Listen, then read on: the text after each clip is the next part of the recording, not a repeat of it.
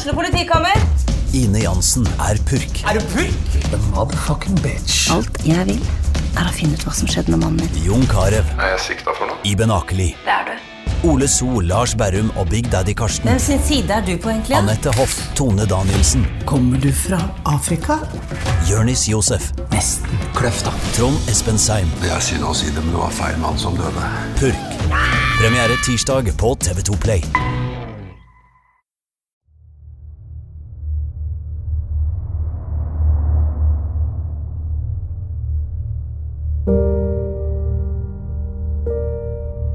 Lytter du til den tredje episoden av Tønsbergs holocaust. Krigen er inne i en brutal fase. Det tyske krigsmaskineriet gjør framgang i Europa. Hitlers utpekte nazister har i løpet av tre år perfeksjonert folkemord til å drives på en industriell skala. Time for time, dag for dag og år for år får de operere uforstyrret, mens de myrder millioner av mennesker. Nå er det jødene fra Norge sin tur.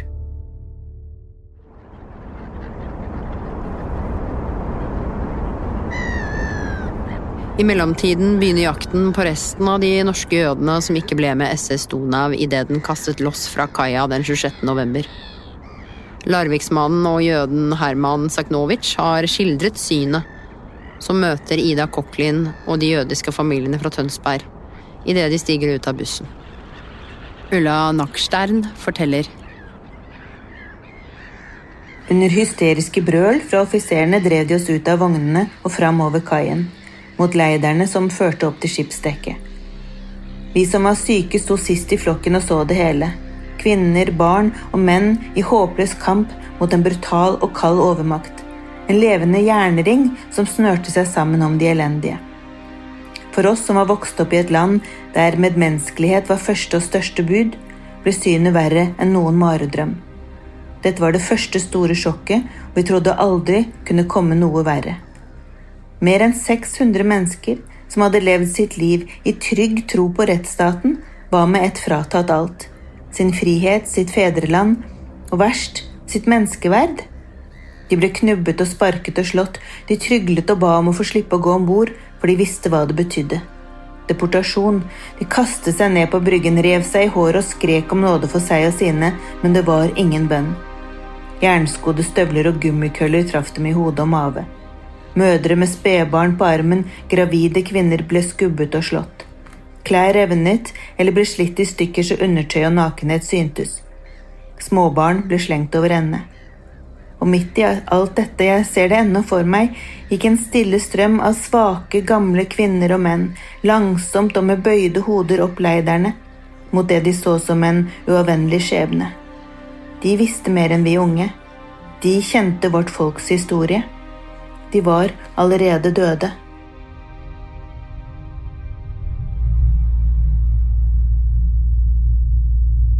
Fangenummer 79235 er den norske kjøpmannen Herman Saknovic fra Larvik.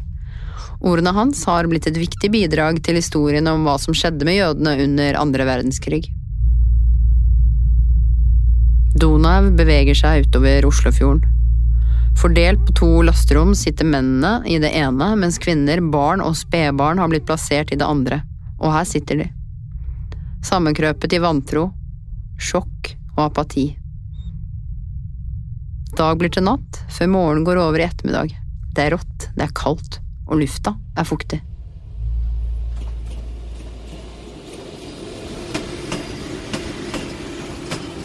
Det har gått fire dager siden 532 mennesker ble ført ut av Norge med tvang.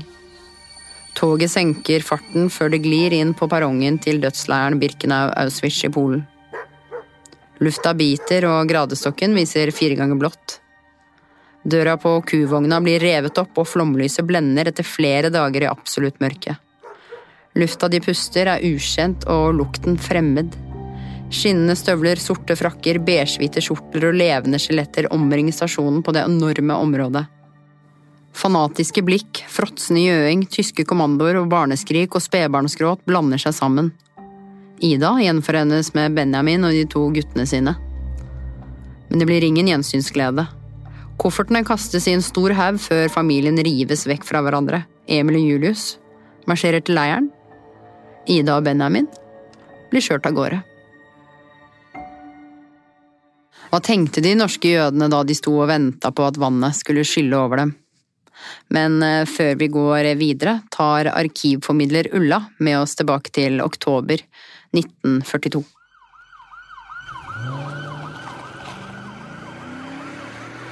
Klokka halv elleve søndag 25. oktober 1942 sendes det ut et telegram fra statspolitisjef Carl A. Martinsen Eh, til underordnede politimyndigheter. Samtlige jødiske menn over 15 år, uansett alder oppover, med J-stemplet ID skal arresteres mandag den 26. oktober klokka seks. I telegrammet rettet til politimesteren i Tønsberg står det at de mennene som blir tatt her, de skal fraktes til Berg interneringsleir. Rett før klokka ti har det vært møte på Oslo- og Aker-avdelingen i statspolitiet for å forberede aksjonen, og det er politiinspektør Knut Rød som er ansvarlig. Det er hektisk aktivitet overalt for de få som er informert. De nødvendige dokumentene klargjøres, bl.a. er det beslagleggingsskjema, der opplysninger om mannlige jøders statsborgerskap, formue, løsøre verdipapirer, kontanter, armbåndsur Altså, dette skal registreres. Det er nemlig rett før alle jøder skal gå konkurs, og alle verdier skal overdras den norske stat. For en ny lov venter kommende dag, og det er lov om inndragning av formue som tilhører jøder. Alt som skjer, virker å henge sammen. Skjemaet skal selvfølgelig også inneholde opplysninger om ektefelle og eventuelle barn, for kvinnen skal få daglig meldeplikt mens deres menn sitter arrestert. Instrukser til de som skal forestå eh, arrestasjonene, de blir stensilert opp, og 124 mann kalles inn og fordeles på 62 patruljer. Det er folk fra kriminalpolitiet i Oslo, fra germanske SS Norge, hele statspolitiets etterforskningskurs og også statspolitiets egne styrker. Ingen får vite hva innkallingen gjelder, bare at de skal møte opp i gardekasernen i Kirkeveien klokken halv seks neste morgen, altså den 26. oktober 1942. Røyken stiger opp mot himmelen, og lukten av brente kropper er uunngåelig.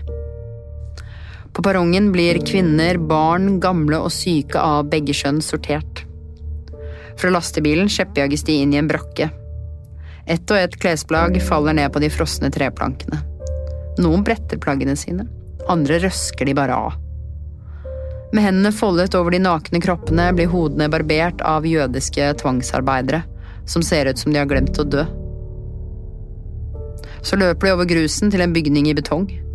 De har blitt fortalt at de skal dusje. Barna lekes med. De knirker. Så en luke i taket åpner seg. Månelyset skinner inn,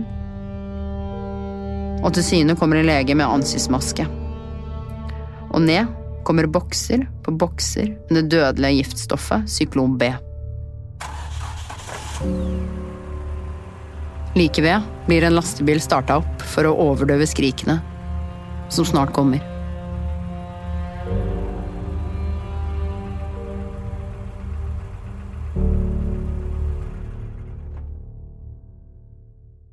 Dørene til betongbygningen åpnes igjen. Og der ligger hun. Idas nakne og livløse kropp slepes ut. Ved siden av ligger hennes elskede Benjamin. Slektningene fra Hønefoss ligger like ved. Idar på ett år og broren hans Bjørn på to ligger sammen med moren, onkelen og tanten, som tok bussen sammen med Ida til kaia i Oslo for fire dager siden. Gifteringen som Ida hadde fått lov til å beholde under ransakingen, blir fjerna.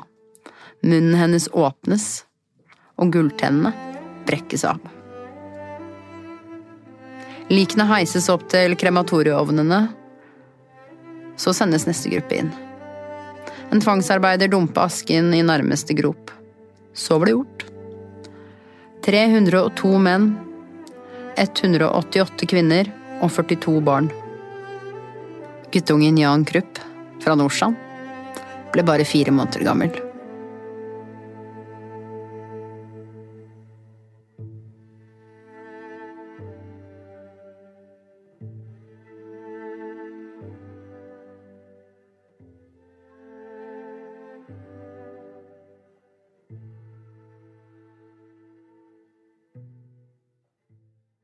En av de største politiaksjonene i landets historie fant sted 25. oktober i 1942. Lokalhistorikeren Thomas Nilsen gir oss et innblikk i den dagen da Benjamin Cochlin sto overfor et umulig valg. På samme tid møter de andre familien i Tønsberg den samme skjebnen. Klokka seks om morgenen så banker det på døra hjemme hos Emil Georg Cochlin. Han er den eneste av guttene i familien som er hjemme. Faren Benjamin er og besøker eldstebroren Julius i Oslo. Og Charles Coquelin hadde allerede flykta til Sverige året før. Emil Georg må ta med seg det lille han kan ta med seg, og bli ført bort og transportert opp til Berg interneringsleir. Samme dag så drar også Ida Coquelin opp til Berg interneringsleir for å se om hun kan da finne sin sønn Emil Georg. Hun har med seg litt klær til han. Og to dager senere får Emil Georg selskap av sin far og sin eldre bror Julius. De to hadde jo vært i Oslo og sto ikke på listene der. Måtte da gjøre et valg. Skulle de dra, eller skulle de melde seg til politiet? Noe de gjorde, og ble da plassert på Bredtvet før de to dager senere kom til Berg sammen med den store transporten den dagen.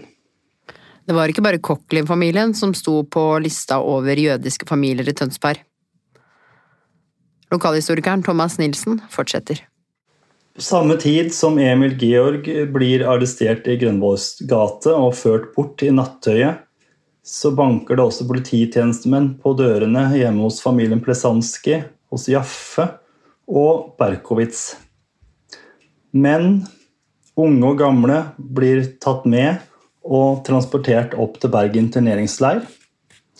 Og eiendommer og eiendeler blir registrert for seinere å kunne selges til inntekt for likvidasjonsstyret for jødeboende, som da blir håndtert og forvalta av advokat Kåre Stang i Tønsberg. Alt dette et ledd i utslettelsen av den lille jødiske minoriteten i Tønsberg. På Berg så er jo da de jødiske mennene fra Tønsberg og Larvik og Sandefjord de første fangene. Og de får to dagers selskap av et par hundre fanger fra resten av østlandsområdet. I alt så sitter det noe over 300 jødiske menn på Berg interneringsleir gjennom eh, november 1942 fram til den store deputasjonen da 26.11.1942. Ulla har god kjennskap eh, om hva som foregikk på Berg under krigen. Både gjennom faget som arkivformidler hos eh, Vestfoldsmuseene, men også fordi morfaren hennes var blant de første fangene på Berg. Berg interneringsleir var jo den eneste fangeleiren i Norge som faktisk var direkte underlagt det norske politidepartementet. Og det var Hirdens fylkesfører, han het eh, Eivind Vallestad, som ble satt inn som leirkommandant. Og fra juli 1942 så fikk han ansvar for å bygge opp den leiren. Eh, de første jødiske menn som ankommer, er fra Vestfold. Datoen er 26.10.1942, den samme dagen de ble arrestert. Og ingenting er klargjort for de omkring 30 mennene som skal innkvarteres i denne leiren. To dager etter kommer ytterligere 259 jødiske menn med godstog fra Oslo. De blir ført over sølete jorder gjennom skogholtet og blir tatt imot av leirsjef Linseth.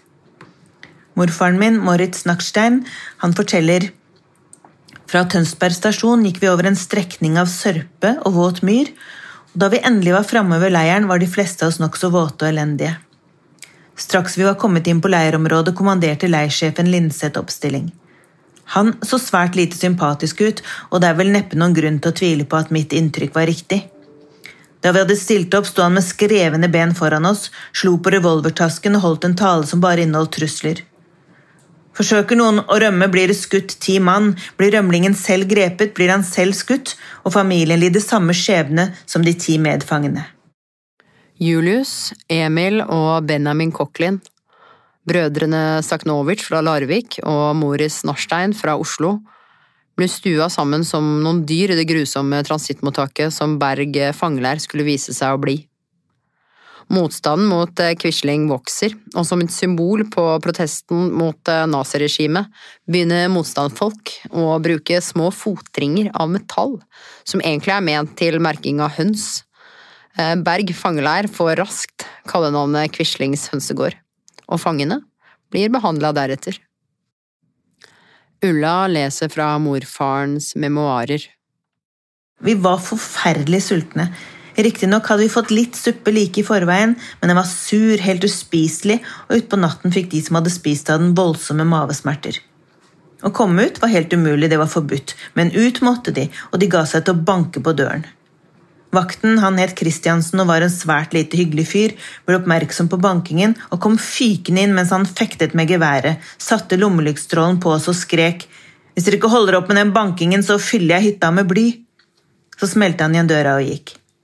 Nå var det selvsagt ingen som torde gjøre noe forsøk på å slippe ut mer, og flere av de syke besvimte av smertene. Det er en brutal virkelighet som møter brødrene Emil og Julius Koklin, som dagen etter ankomsten får tatovert fangenummer 79 152 79 153 på venstre arm. De bukker snart under for de umenneskelige forholdene i den tredje arbeidsleiren til Auschwitz, kalt Monovic, hvor de ble satt til å produsere syntetisk gummi og kjemisk bensin i fabrikken til det tyske selskapet IB Farben. 184 arbeidsføre menn slipper unna gasskammeret den første dagen de ankommer eh, Auschwitz. Men det er vanskelig å vite hva tenåringen Emil og 20-åringen Julius følte da de ankom arbeidsleiren. Men hva de så, og hva som møtte dem i Polen, kan Herman Saknovic eh, forklare. Ulla leser fra vitnesbyrdet hans. Tre kvarts mil fra Monowitz vokste det samtidig opp et veldig industriområde, Bonaverkene. Bona var betegnelsen på syntetisk gummi. Arbeidsleiren, som var direkte knyttet til industriområdet, fikk navnet Bona Lager Monowitz. Fra denne og andre leirer i nærheten ble hærskare arbeidere drevet ut tidlig på morgenen i all slags vær for å arbeide, 12, 16, ja 20 timer i ett strekk om det trengtes. Var i denne leiren vi brødrene havnet. Den alene fikk etter hvert plass til 10 000 fanger. I likhet med andre leirer var den omgitt av piggtrådgjerder. Sett innenfra, fra fangenes side, var det først strukket en enkel tråd i knehøyde. På den hang det med visse mellomrom plakater med ordet 'halt' og et dødninghode. Hvor mange fanger jeg har sett henge døde i det elektriske gjerdet når vi kom ut om morgenen, vet jeg ikke, men det må ha vært hundrevis. Det var heller ikke nok med at tyskerne lot dem henge der en god stund, men SS-vaktene moret seg også med å skyte blink på dem fra sine vakttårn. November blir til desember.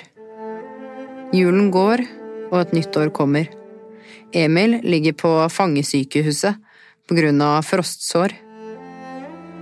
Julius er aleine i arbeidsleiren Monovic. Men snart orker ikke storebroren mer. Hjertet hans er utslitt. Den 14. januar klokken 13.00 tar Julius Koklin fra Tønsberg og fangenummer 79153 sitt siste åndedrag, som mange andre før han. Emil dør tolv dager seinere. Han blir bare 17 år. Innen januar er omme, er 100 av de 184 arbeidsføre mennene fra Norge døde eller forsvunnet. Nevøen til Julius og Emil og sønnen til storesøsteren Lillemor, Harry Rødner, forteller. Hver en, hvert eneste dødsfall skulle inn i en protokoll hver eneste dag. Så på, på hver av disse her så var det alltid alt 79 000 sånne dødsattester fra Monowitz, denne arbeidsleiren ved Auschwitz som disse to brødrene kom til.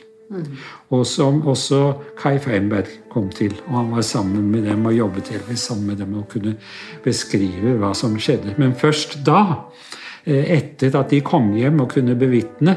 Først da visste de jo med 100% sikkerhet. Men allerede i, til min treårs fødselsdag, eh, nei, toårs fødselsdag, altså i april 1944, nei, 1945 i april 1945 skriver min onkel Charles i dagboken som mor har for meg, at nå har vi visshet om at de er døde.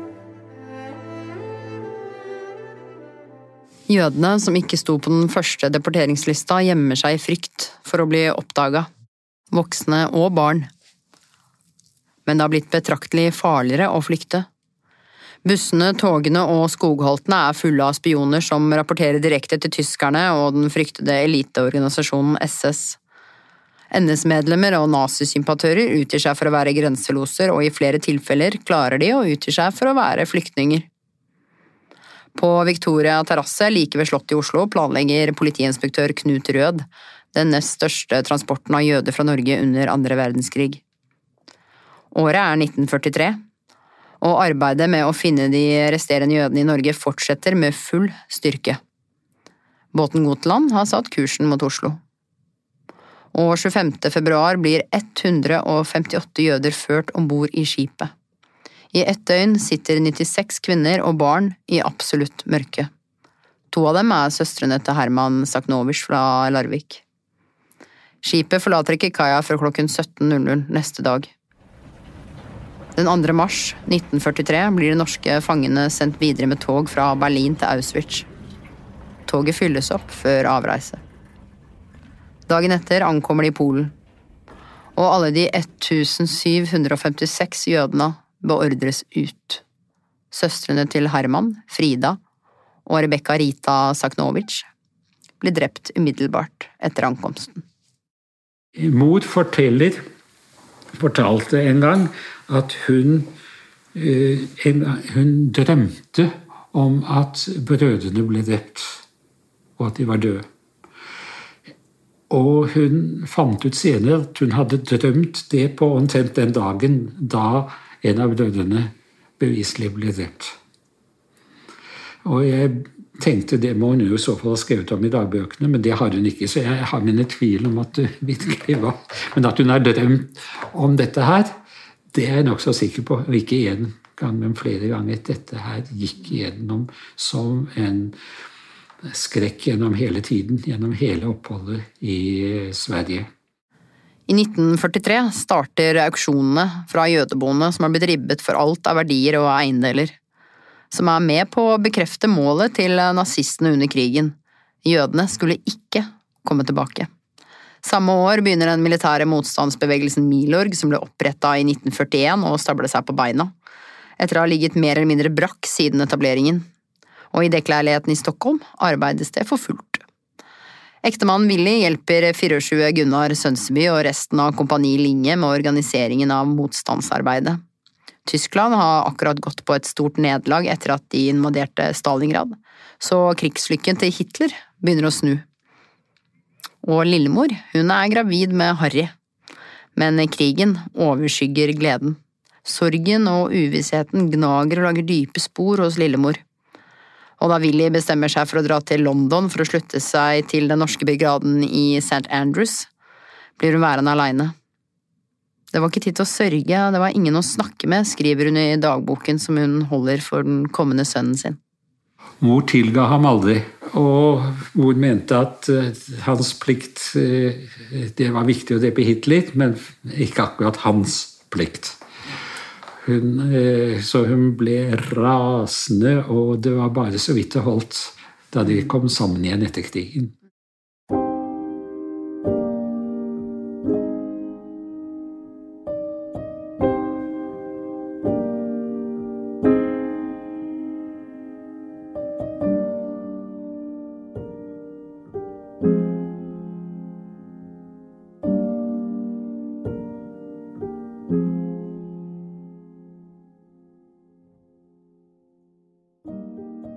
Har du nettopp hørt eh, tredje episode av podkasten Tønsbergs holocaust. Det som begynte med hat, endte i folkemord. Naziregimet klarte suksessfullt å gjøre massedrap om til en industri.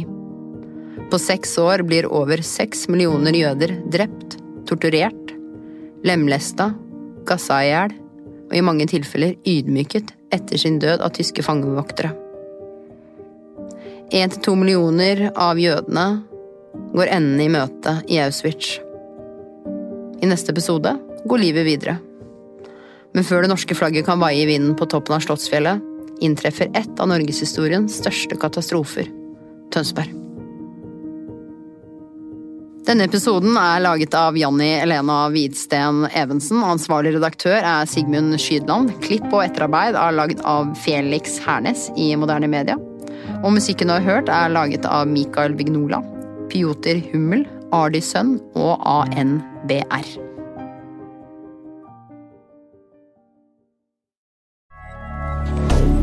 Moderne media. Har du et enkeltpersonforetak eller en liten bedrift? Da er du sikkert lei av å høre meg snakke om hvor enkelt det er med kvitteringer og bilag i fiken, så vi eh, gir oss her, vi.